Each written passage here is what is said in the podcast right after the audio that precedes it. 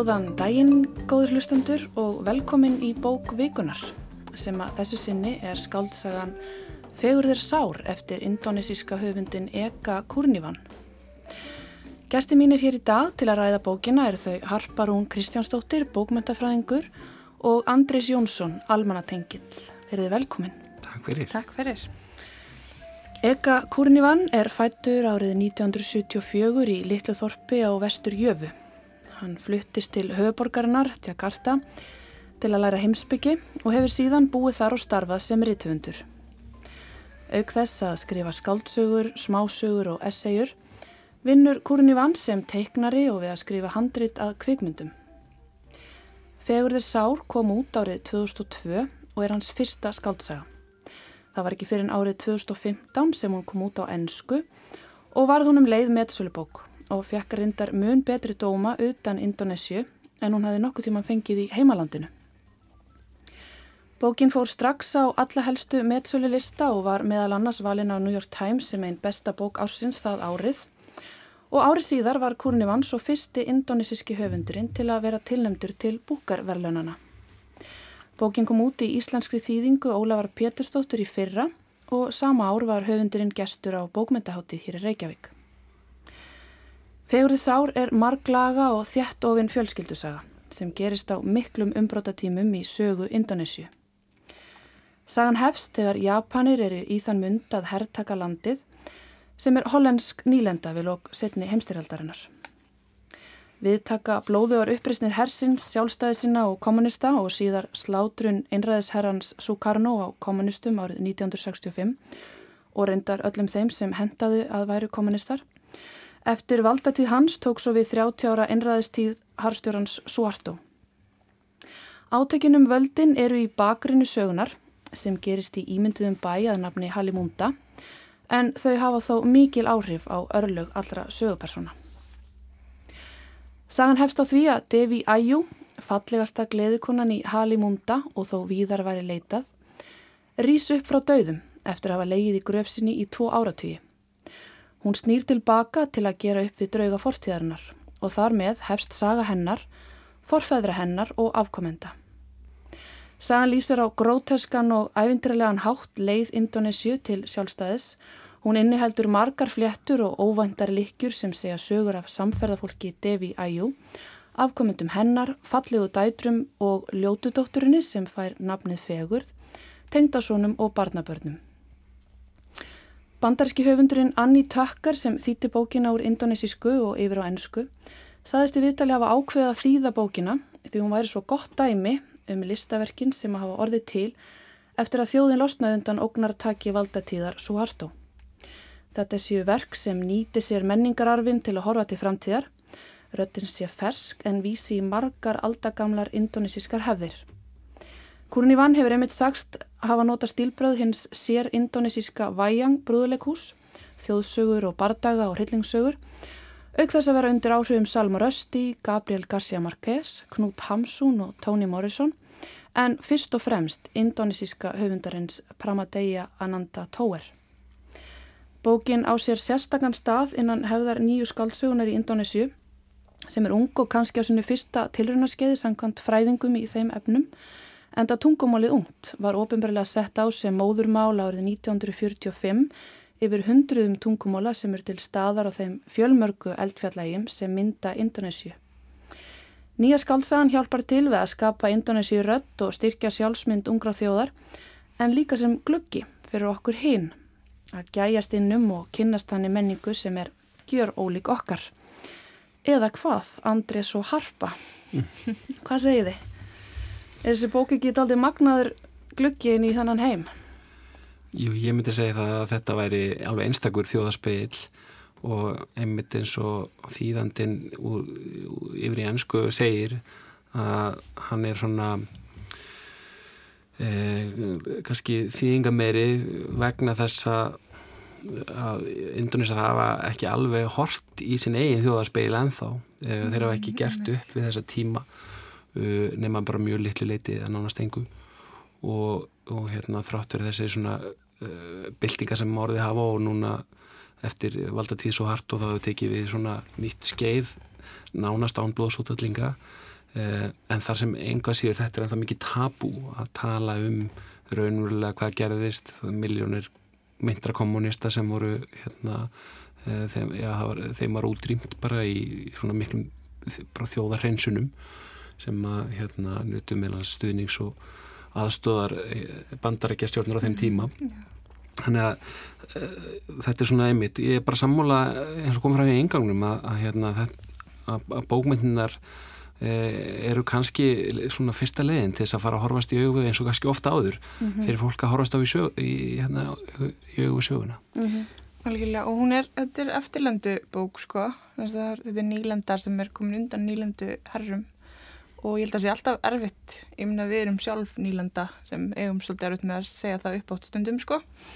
En ég held að það sem er mikilvægt er sko að, að hún segir söguna og fyrir gegnum þetta allt saman en hún segir frá sjónarhóttni vennilega fólksins. Að við sjáum sko hvaða áhrif þetta hefur og við sjáum bæði þá sem að gera og þá sem að verða fyrir. Og ég held að bara fyrir þá sem að þekkja Indonési lítið og kannski ekki neitt þá er miklu öðuldar að samsama sig þegar þetta hendur fólk bara eins og okkur mm. það skiptir líka máli mm -hmm. Algjörlega En Andris, áður við byrjum á að kafa honni söguna, þegar þú bjóst þarna Já eitt ár sem skipti nými um, í einmitt svona undir lok valdatíðar svo Hardó sem var hluti af byltingunni sem lístir í bókinni eh, og annar fórsett Indonísju eftir fyrsta fórsettanum hérna Sokarno Uh, það er skemmtileg kannski fyrir hlustundur að, að, að, að Indonesia verður liðveldi uh, að lýsir yfir sjálfstæði og, og liðveldi, stofnum liðveldis 1945, 17. Mm. ágúst og, og það er þeirra þjóðtíða dagur sem er náttúrulega bara þarna ári eftir öðrum ári eftir okkur þannig að það er svona svipað ungar þjóðir mm. og þær hafa hafður sem sagt þarna í já, 50 ár, halva öll bara tvo fórseta og annar þeirra sem sett svo hart og hann stifti hinn um svona stóli í svona sviðsettu þar sem að einu kommunistar hérna voru taldir hafa eh, semst voru sagðir hafa reynda ræna völdum en það var komiljós að var senna sviðsett mm -hmm, og reyndi völdum. Þannig já, ég var hérna í eitt ár undir lokasavaldatíðar mitt inni í aðsta lægi hans hérna, þess að ég var hjá fjölskyldu sem að ég hef mikil tengsl við en þó voru hérna við brúkvöldum mitt hérna í fyrir sumar 15-20 indonesar og hérna og ég tala við eh, hverju viku og hérna þeir uh, voru sem sagt uh, hersöðingar í þessum hér uh, bróðir skiptir um að móðu mína sem ég kalla móðu mína í dag aðra móðu mína, var, hann var sem stiðum að leini þjónustu hersins, bókstaflega. Og þannig að maður fekk einsinn í sko, eins og þú segir frá vennilega fólkinu, ég fekk mhm, einsinn í þetta frá rauninni þeim sem voru miklu gerindur og, og, og kom mjög rótækur og hafði virkur í starfi Amnesty International og, og sett, þannig að þetta var svona mjög sérstök upplifun að búa þessu tíma og hérna og bara margt í þessari bók bara kallast á við veist, ég, ég, hann talar um að nota brúðu leikús sko, mm -hmm. til þess að lýsa eh, og hann er, ég sá eftir um haft að hann segði að þetta var ekki bókum sögu Indonísju en auðvitað er hún það, ég hugsa mm -hmm. bara hann get ekki sagt að hans að vera gerður sko er henni vera bannfærður sko. Algjörlega, og talandu um brúðuleikur þá notar henni personur sko eins og kallpersonar, þær eru allar bara svona, þetta er hersöðingin þetta er kommunistinn, þeir eru bara svona brúður til þess að sína okkur, þetta er típa sem það til og, mm -hmm. og sem sagt þeir eru svona verkværi til þess að byrsta okkur tíðanandan Akkurat mm -hmm. Menna, konurnar eru kannski meira bara fallegar svolítið. Já, þetta snýst mikið um það. En ef við byrjum á hennu, þá hefst sagan með upprísu vændins konurnar fögru, Devi Ajú, og það fyrsta sem hún hugsa um eftir að vera rísið frá döðum, er 21 ári gröfinni, er fjórða dótturinn, svo sem hún átti 12 dögum áður en hún dó. Og barni var það ljótasta sem nokkur hefði séð, en Devi Ajú vissi það ekki þá og nefndi hana fegurð því hinadætunar þrjár hefði verið forkunna fagrar. Eitt af þess að hún segið þannig upp að bókinar er þessi setning. Ekki er til ömurleiri bölfun en að fæða fallegt meibarn í veröld karla sem eru íllskettir sem lóðahundar. Þetta setur þetta aldrei tónin, er það ekki? Það gerir það. Ég geti talað í kortur um hunda. Já. En hérna, sko, nú kannski er ég að segja eitthvað sem að þú veist alveg og horfir á mér sem ég sé kjáni, Andris, en, en ég er sem sagt, las mér hans til um, um þjóðsugur og það er til þjóðsaga í Indonésiu, þjóðsagan um, um Sankuriang. Þekkir þetta? Er hún mjög þekkt kannski? Nei, þetta er kunnulegt samt. Já, þetta er svona ötipusarsaga. Þetta er sem sagt, uh, það er einn af guðunum, hann er hálfguð, verður ástfanginu mennskri konu og pappa hans er guð og, og segir að hann með giftast henni með því skilir því að hann breytist í hund þegar fyrsta barnið er að fæðist. Þannig að, og það gengur eftir, þau eignast svon og, og maður breytist í hund og þau búa áfram saman í hjónabandi, konan og hundurinn. Uh, Sankurjang er semst þessi sonur og hann verður fyrir því óhappi að drepa pappa sinn sem er strax kunnulegt. Mhm. Uh, hann semst er á veiðum og skýtur vart ör í hundin og kemur heim og segir móðu sinni þetta hún verður mjög leið en hann semst veit ekki að hundurinn er pappans, þetta er bara heimilishundurinn. Og hún lemur hann í höfuðið og hann fer að heiman.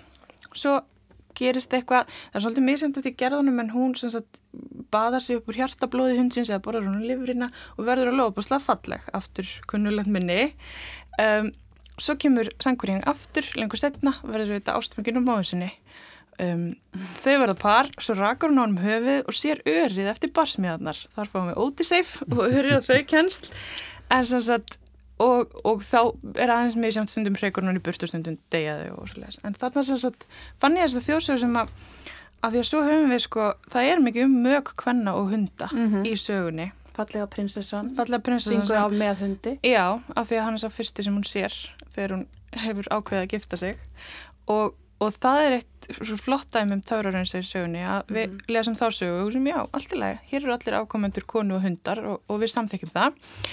Uh, en síðan kemur þessi nöðgunarsaga setna þegar konan segir mér var nöðgað hundi. Og við hugsaum, jú, allt í lagi, það er þannig. En svo sparkar hann í okkur og segir auðvitað var hann ekki nöðgað hundi asnáttin ykkar.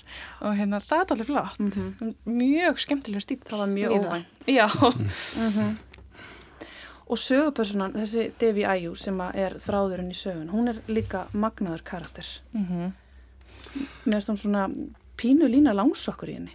Já, Já. það er skemmtileg lýsing. Hún er, já, hún hefur öll þessi sömu enginu og lína. Svona, hún er hress, hann lendur að degja siga. Útsjónasöm. Já, og svona, og, og, og, og hérna, heppin í tilsvörum, svona beitt. Um, Já, hún er líka þólandi sem neytar að vera þólandi og gerist gerandi. Mhm. Þú veist, hún er, hún er neytt út í vændi og hún er svo allt í lagi, þess er ég góði og heldur því bara áfram. Þú veist, það er svolítið, þetta er svolítið töff. Mhm. Mm Já, Og verður besta vændiskonan í bænum og þó viðar verið litað. Ella. Já, já. Og eignast þrjár fallega dætur með þremur ólíkum mönnum. Uh, en eftir upprisu hennar þá sagt förum við aftur í tíman og þessi mikla fjölskyldu saga hefst. Mhm. þar sem að lifa ekki bara fólk, heldur draugar og yllir andar, hórumömmur, ofbeldisfullir hem- hermenn, nöðgarar, morðingjar, villihundar, Mhm. hálmannlega skrýmsli sem að reyna að lifa af í þessi svari borg sem liggur við frumskó og fagra strendur. Og dætunar, þær eiga allar erfið æfi eins og móðurinn og, og giftast valdamestu mönnum borgarinnar sem að standa fyrir í rauninu öll valda öll í Indonésiu. Mhm. svona örlaga öflin í þessari sögu sko frá uh, já, frá stríði og frá því að nýlendu tímanum líkur og einmitt, maður velta einmitt fyrir sér sko, þú veist, eh, hvort þessi tákmyndir, þú veist, hvort þessi hérna, f- fyrir þessu öflu örlu þeirra ég meina, eh, hérna, sá sem er fyrir semst, fulltrúi er kommunistinn hann tekur sér degi líf uh, og í rauninni uh, svona var hún aldrei sérlega burðug svo reyfing uh, og hafði kannski aldrei möguleika á því að, að ná völdum í Indonésiu en, en þannig að það eru svo sorgleg örlög þeirra. Mm. sumulegis sagt, hérna uh, mamban hérna uh, Mamman Gendeng. mamman Gendeng sko. Já, hann, það er eitthvað mjög algengt nafn í Indonésiu Ó, og ok. hérna Mamman líka.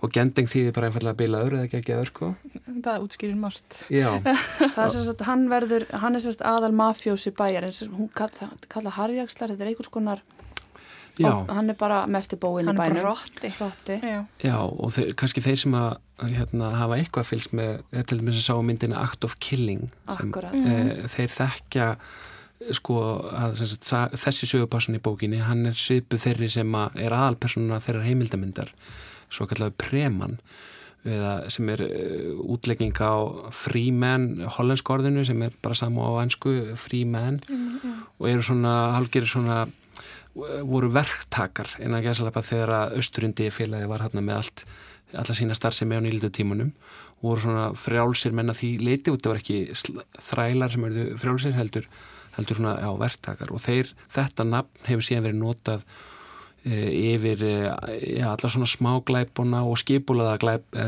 aðeila skipulaðar í glæpastar sem í Indonísju sem að hefur alla tífur mjög virk og er enn þann dag í dag.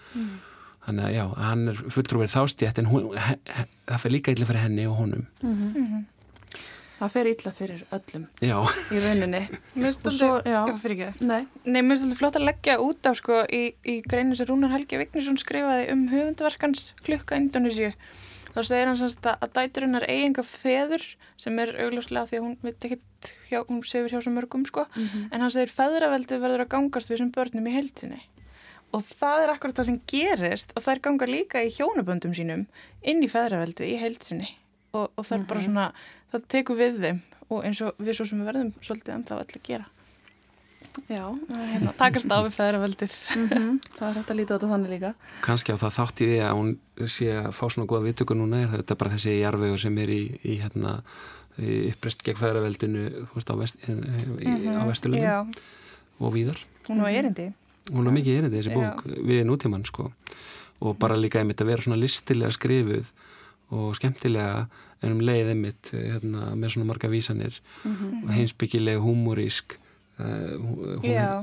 hefur ótrúlega margt sko. Mér langar aðeins bæta við með bygginguna því við vorum að tala um hvernig Já. hún byrjar á sko, hún byrjar í raun á fortíðinni Mhm. og, og hérna hún er í rauninni smásagnar sveigur Mm. því maður er ofta að lesa og svo allt einu byrja nýsaga um einhvern annan og, og hún, það er alltaf saman stílbræði hún byrjar á fortíðinni og, og hérna færi sér sögur í nútíman, þetta er svona spennusega og þetta ku vera stílbræð sem hann notar mikið, hann er svona mikil smásagnahöndur Já, einmitt. og, og hann gerir þetta oft að þú veist í rauninni hvernig endurinn er og það er svo að lesa til þess að koma stað hvað gerðist. Mhm. það er þetta áhugavert.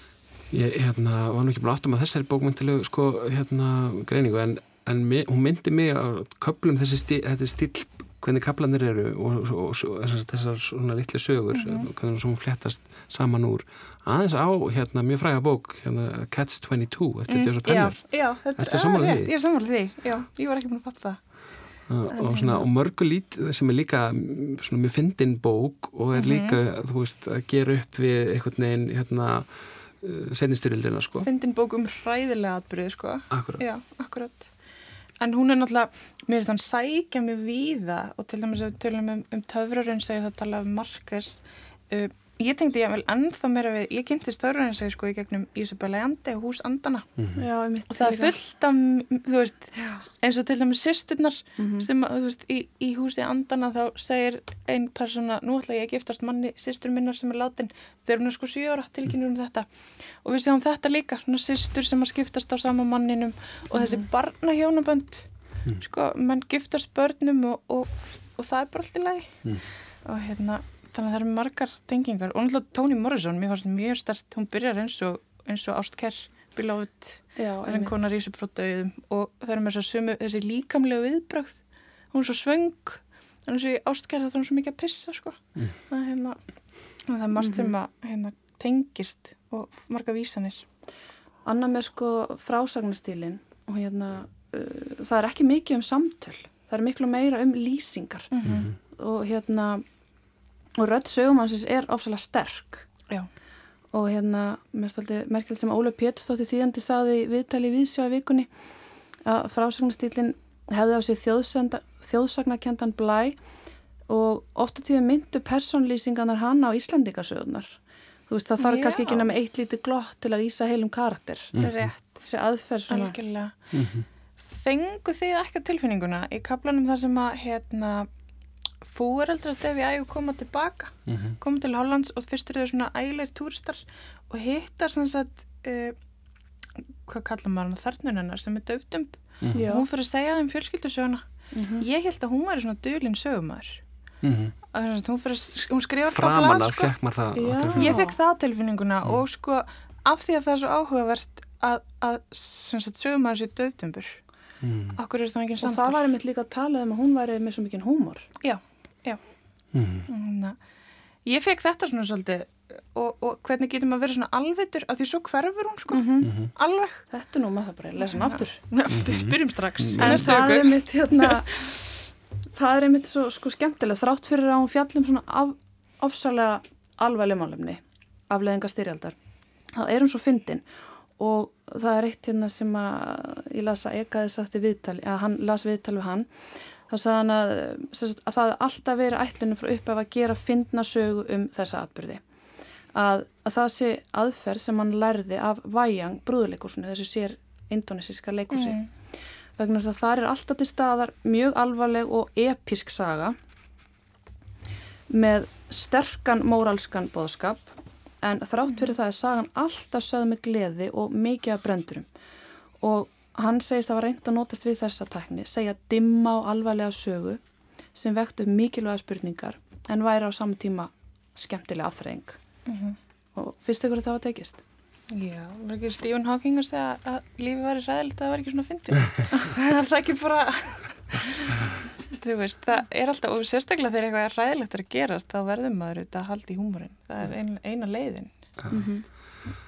og þeir, um, ég, þetta minnir mig á hérna, eina mannlýsingu sem er í bókinni eða lýsingu sem sagt, á innfætum þannig kallaði bara innfættir hérna áður en þið lýsið við sjálfstæði og kannski í allir bókinni það er að segja Indonesendur sjálfið sem þjóð og, og ég var nú að reyna að fletta hérna og finna þetta en, en það var svona þessi lýsing sko að þeir veru e, hérna sætus á hækjum sér og veist gerða gamni sínu og, og þe þe þetta er þeir eru rosalega mikið svona þjóð. Það er alltaf þetta, þetta mjög, e, sagan gerist á jöfu og það er einmitt vakka þessarar hérna, líðræðis, eða ekki líðræðis hluta til líðræðis en þessar líðveldis, smóla þannig á þessu svæði sem hann er einmitt alveg upp höfundurinn uh, og, og hérna og þar búa held ég yfir 100 miljónum manna í dag á bara eigi sem er þú veist hérna litlu starf en Írland sko.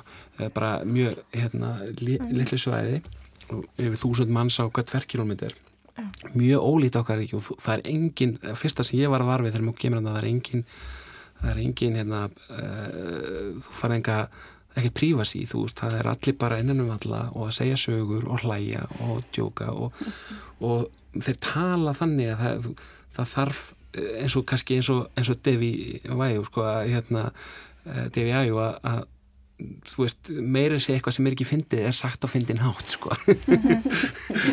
Og þannig að það er rosalega ável við um að þekki sér teima fólk þar, sko og, og þannig að þeir eru ekki mikið fyrir að í, í dramatíkinni og kannski þeir personur og þeir sem að fóru vest í, í útrúðsöldu saman voru kommunistandir og þeim er líka líst sem döflegum og, og svona alltaf í vondur skapi sko. Og samt svona líka tilfinningaverum eins og hann, hvað hétt hann eftir? Klífan, Klífan. Aðal, hann er eiginlega bara svona, hann er bara hugsanamöður, Mhm. hann gerir ekkit rosalega mikið Mhm. eins og þegar byltingin hefst og, og hann eitthvað situr bara svona horfir á og hann er svo gjörsanlega ósýnilegur að lögreglan sér hann ekki. Mhm. þeir koma alltaf takan og hérna, já. En, það, já. Það er aldrei áherslu að bera sama sko kallan, það er svo mikið munur á kallpersonum og kvennpersonum í þessar bók. Já, og sko örlög kvennan eru náttúrulega algjörlega í höndum þeirra en samt upplifa þeir sér sem fórnalömb já, fegurðar þeirra. Já, Mhm.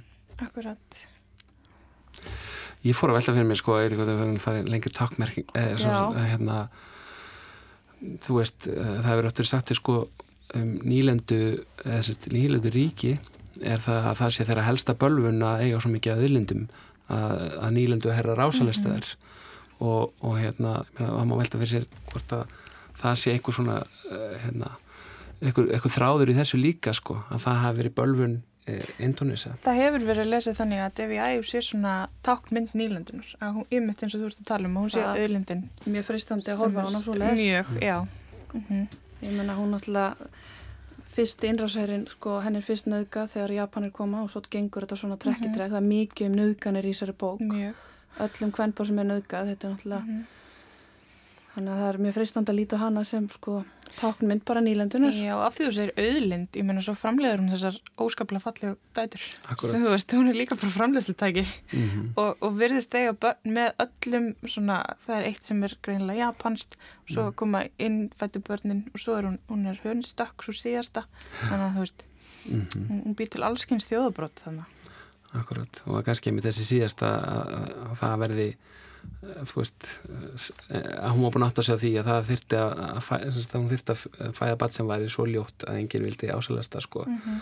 að hérna og kannski það sama með Indonési það var ekki fyrir henn að auðlitina klárast sem þeir ná að byrga sér sko Já, einmitt. Einmitt.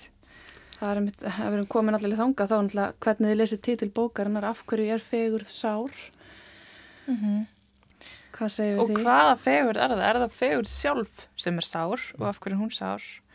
Uh, mér fannst þetta samt að vísun í Keats, hérna, beauty is truth, truth beauty. Ég held að þetta væri eitthvað svona, orðarleikur þar, Mhm. sko. En hérna, en ég minna, er ekki fegurinn líka bara sársökafull? Það er þjást bústarlega líkamlega vegna fegurðar sinnar og kallmennir gera það líka. Mm Þú veist, þeir ráð ekki við hvað er mikið ef við, við gefum þeim þann. Gefum þeim það. Hérna, Já, fegurinn í fylgisorg, allavega í tilfelli líka nýlendunar, mm, algjörlega. Indonésiu, sem var misnótuð vegna auðafa sinna. Mm -hmm. og konundar eru misnótaðar vegna fegura sinnar. Og hérna og en í upphafi bókarna þá skilur maður ekki af hverju móðir óskar þess að barni sér svona forljótt. Mm -hmm. en svo kemur alltaf meir og meir ljós þang til í lóksögunar að maður skilur að fegurinni fylgir þessi bölvun. Mm -hmm. og hérna og hérna að börn sem að já, einmitt eru falleg bara, eru dæmt til að það fer lifa fyrir þeim. tortímingu eða þetta er ræðilega örlög örlög allra Rétt, já. Mm mm og það er líka dálítið svakaleg sko orðalægið og gróteskan í bókinni. Algjörlega. Ég sá að það margir sko, það er ekki allir hrifnir af öllum þessum nöðgunum sem að stað. Hún fekk ekki ofsalega góða dóma hér á Íslandi. Er svona freka misjafnir og fólk er með talað um þetta mikla og gengdarlausa ofbeldi og þetta hvernig maður er svona fyrir gert að samþykja það vegna þess að- personar samþykja það allar sjálfur um, flestar konunar giftast mönnum sem nauðga þeim og, og það, það er einhvern ekkert í bóði að, þær fara ekki frá þeim og, og flest enda þau ástfangin þrátt fyrir allt sko sem er mjög skrítið. Mm hérna. Um, já, einmitt ég tólkaði samt sem svona valdeflandi sko, af því að eins og þið segja, hún neytar að vera fórnalamb hérna, aðalpersonan og, og hérna sammála þetta á svona maður hugsa, ég hugsaði náðilega um aðra lesendur, heldur um mig sjálfa en ekki að því ég er nú sjálfur samt freka viðkvæmur en einmitt að því personuna sjálfur samþýttu það og líst og þú veist, höfðum orð um þú veist hvað, hvaða augum þar lituða sko. Þannig að hérna, en ég meina sumar voru visslega fórnalömb eins og hérna hinnar eh, hérna eh, sem, sem, voru gerðar af endiskonum nöðugur mm hjá japanska hernum meðinni að, að þær eh, þú veist hvertuðu sáran. Og það, því var líka líst sko, það, það, það var ekki verið upphefið þetta. Það var meira fast með verið að valdefla að segja bara, heyrðu, við erum öll hérna búin að vera bara í hlutur ekki fórnalamba mm þessari þjóð, þú veist, búin að undir níl, hérna nokkur nýlindu herrum og, og hérna við ætlum að eiga þessa sögu sjálf sko, þú veist, þeir eru að brjótast út úr þeirri, þeirri áþján Já, ég held líka sko um, að því við vorum að tala um Íslandingarstöðunar þessir, þessir líst svo hlutlust í rauninni sárasta nögunarlýsingin er þarna þegar þessar hópur af hollenskum stúlkum lokaður inn í og það eru neittar til að vera vændiskonur það sem mér fannst einhvern erfiðast að lesa var sko að því Devi Æjú, hún bara tekur þessu algjör hlutleysi, lagst bara og, og hugsa um eitthvað annað sko. Uh, öskurinn og gráturinn í hinum. Hún heyrir öskur og grát og sársökan úr öllum hinum herbyggjunum og hvernig það er að reyna að flýja kiftin aftur. Þetta er eiginlega erfiðustu naukunarlýsingarnar og það eru ekki naukunir sem að aðal person og sjálfur verða fyrir. Mm -hmm. sagt, vitund og miðjan er aldrei við sjáum það utanfrá það fannst mér kannski erfiðast að lesa Já, einmitt. En það er ekki bara ofbeld og stríð sem eru örlega valdar í þessu sögu, heldur að það er líka yfirnáttúrulega atbyrðir. mm -hmm. Og hérna, og við komumst að því að Devi Ægjur er alveg vissum að þetta sé satt bölvun yllra anda sem að sé að valda þessari óhæmingju Mm -hmm. sem á sér sitt uppaf í afennar sem var hollenskur plantegru eigandi því hann beitti sérst innfætta misrætti og þarna aftur sjáum við auðvelt að líta á þetta sem myndlíkingu fyrir örlög þjóðurinnar. Mm -hmm, algjörlega. Og líka sko þessi bölvun sem sagt hún á sér stað vegna þess að þessi afennar uh, tekur konu frá manni sem var ástfangin af henni og hann er síðan þessi bölvun sem eldir uh, fjölskylduna og Devi Ægur segir ég er vendiskona svo að menn takir sér ekki hjákonur af því það er greinlega það versta sem hún getur hugsað sér að, að ástvinnum sér stíðaði sundur og hún er reyna að koma í vekk fyrir það með því að kallmann geti keift sig greiðan sko. mm -hmm. sem er svolítið áhugavert líka mm -hmm. hérna, hún helgar sig þessu hérna. fyrir utan það að hún giftistu þetta þessu manni sem hefði átt að vera afinnar sem neyðir hann í hjónuband mm -hmm. Já, maður skilur aldrei hennar ákvarðanir Nei en, en mjög áhugavert að sjá unga stúlkul neyða gamlan karlmann í hjónuband þetta var mjög svona sterk mynd En einhvers það sá ég að þetta væri mjög stert ennþá í menningu Indonésiu að sagt, trúa á yfir náttúrulega atbyrði. Já og þess vegna uh, ég hef ekki lesið mikið um töfrarinn segi bara svona, ég mitt þessum eftir nokkra þessum höfundum sem því að við mm. nefnt hérna og en bara, ef ég tek bara töfrana sko, þá fannst mér tröfluð þeir mig nefnilega ekkert hafandi búið þannig að þetta er svo mikið hluti af daglegu lífi mm -hmm. það er rosalega hérna, mikla góðsagnir þau eru hjá já, ekki einu svona, eða svona góðsagna trúið sko þú veist, ég var að veitna flóakast ekkert um henni í verslunum mistuð og, og það sem að voru stumri yfir svona hérna, hérna konur sem að unnu við að þrýfa salirnin og stumri yfir einhverju konur sem hefði, var greinlega í flóakasti og, og, og þær sögðu einhver tungumóli sem að hérna samfæra maður með nýndunsku skildi sem var það, já, hún er, er hérna andi frumskóðari sinna bakvið tók sér bólföstu í henni og það eru, þegar ég fluttist þarna fyrst að það voru mjög stór hluti af mínu vinur sem trúðu því að það væru þessi, eins og þessi kraftar sko sem að til að mamman hérna Geteng er, er mm -hmm. að hérna Gendeng heitir hann, mamman Gendeng mm -hmm. Uh, að hann sé sagt, uh, það sé ekki hægt að, að verða honum að, að banna Geta skjóta með bussukúli og umstæð Já, hann, hann sé bara ósæranlegur að þetta er svona all, mjög þekkt minni í indonísku sögum að menn hafi þessa kraft á jafnvel í nútímanum sko. okay. þannig að þetta er eða menn hafi þessa kraft að svona, geta bara með einhverju hugarorku sko, stöðamenn og, og, og, og þessi andar til dæmis sem við sjáum í lókbókarna sem ég vilja spilla honum fyrir þeim sem ekki hafa -hmm. lesið að þeir eru mjög gjarnan personur í, í svona bara sábúburum sem gerur fyrir indonist sjónvarp sko. Já, þannig að þetta, það tröflaði mig ekkert einhvern veginn að þetta veri tekið allt gott og gilt sko. ég bara fjallin í það og hafandi verið hérna í þessu samfélagi Þetta tengist þetta líka því við vorum að tala um grótersku og bakt inn náttúrulega á Kristi og hafa mest skrifað það og karnivalið. Af því að karnivalið í skaldskap og margrötun í rauninni bara kjarnast á því að það er alltaf marga rattir og Kristi var að segja sko að það er engin skaldsaga góð ef það er bara einhver einn að til býja sannleikur. Og lífið er auðvitað bara þannig líka. Það er ekkit bara einn algjöldur sannleikur og hver segir þessi ekki til töfrar? Já, mér ást alls ekkit erfitt að trúa allir sem átti sér þannig stað.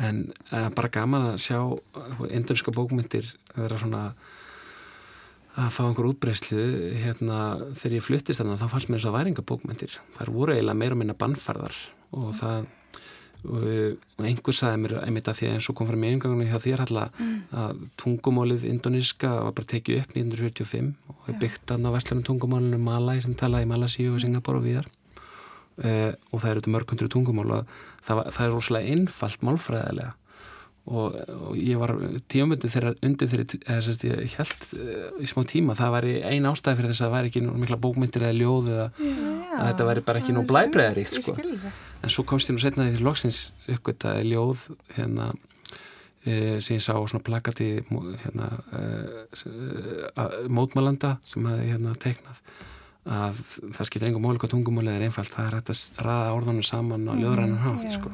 mm -hmm.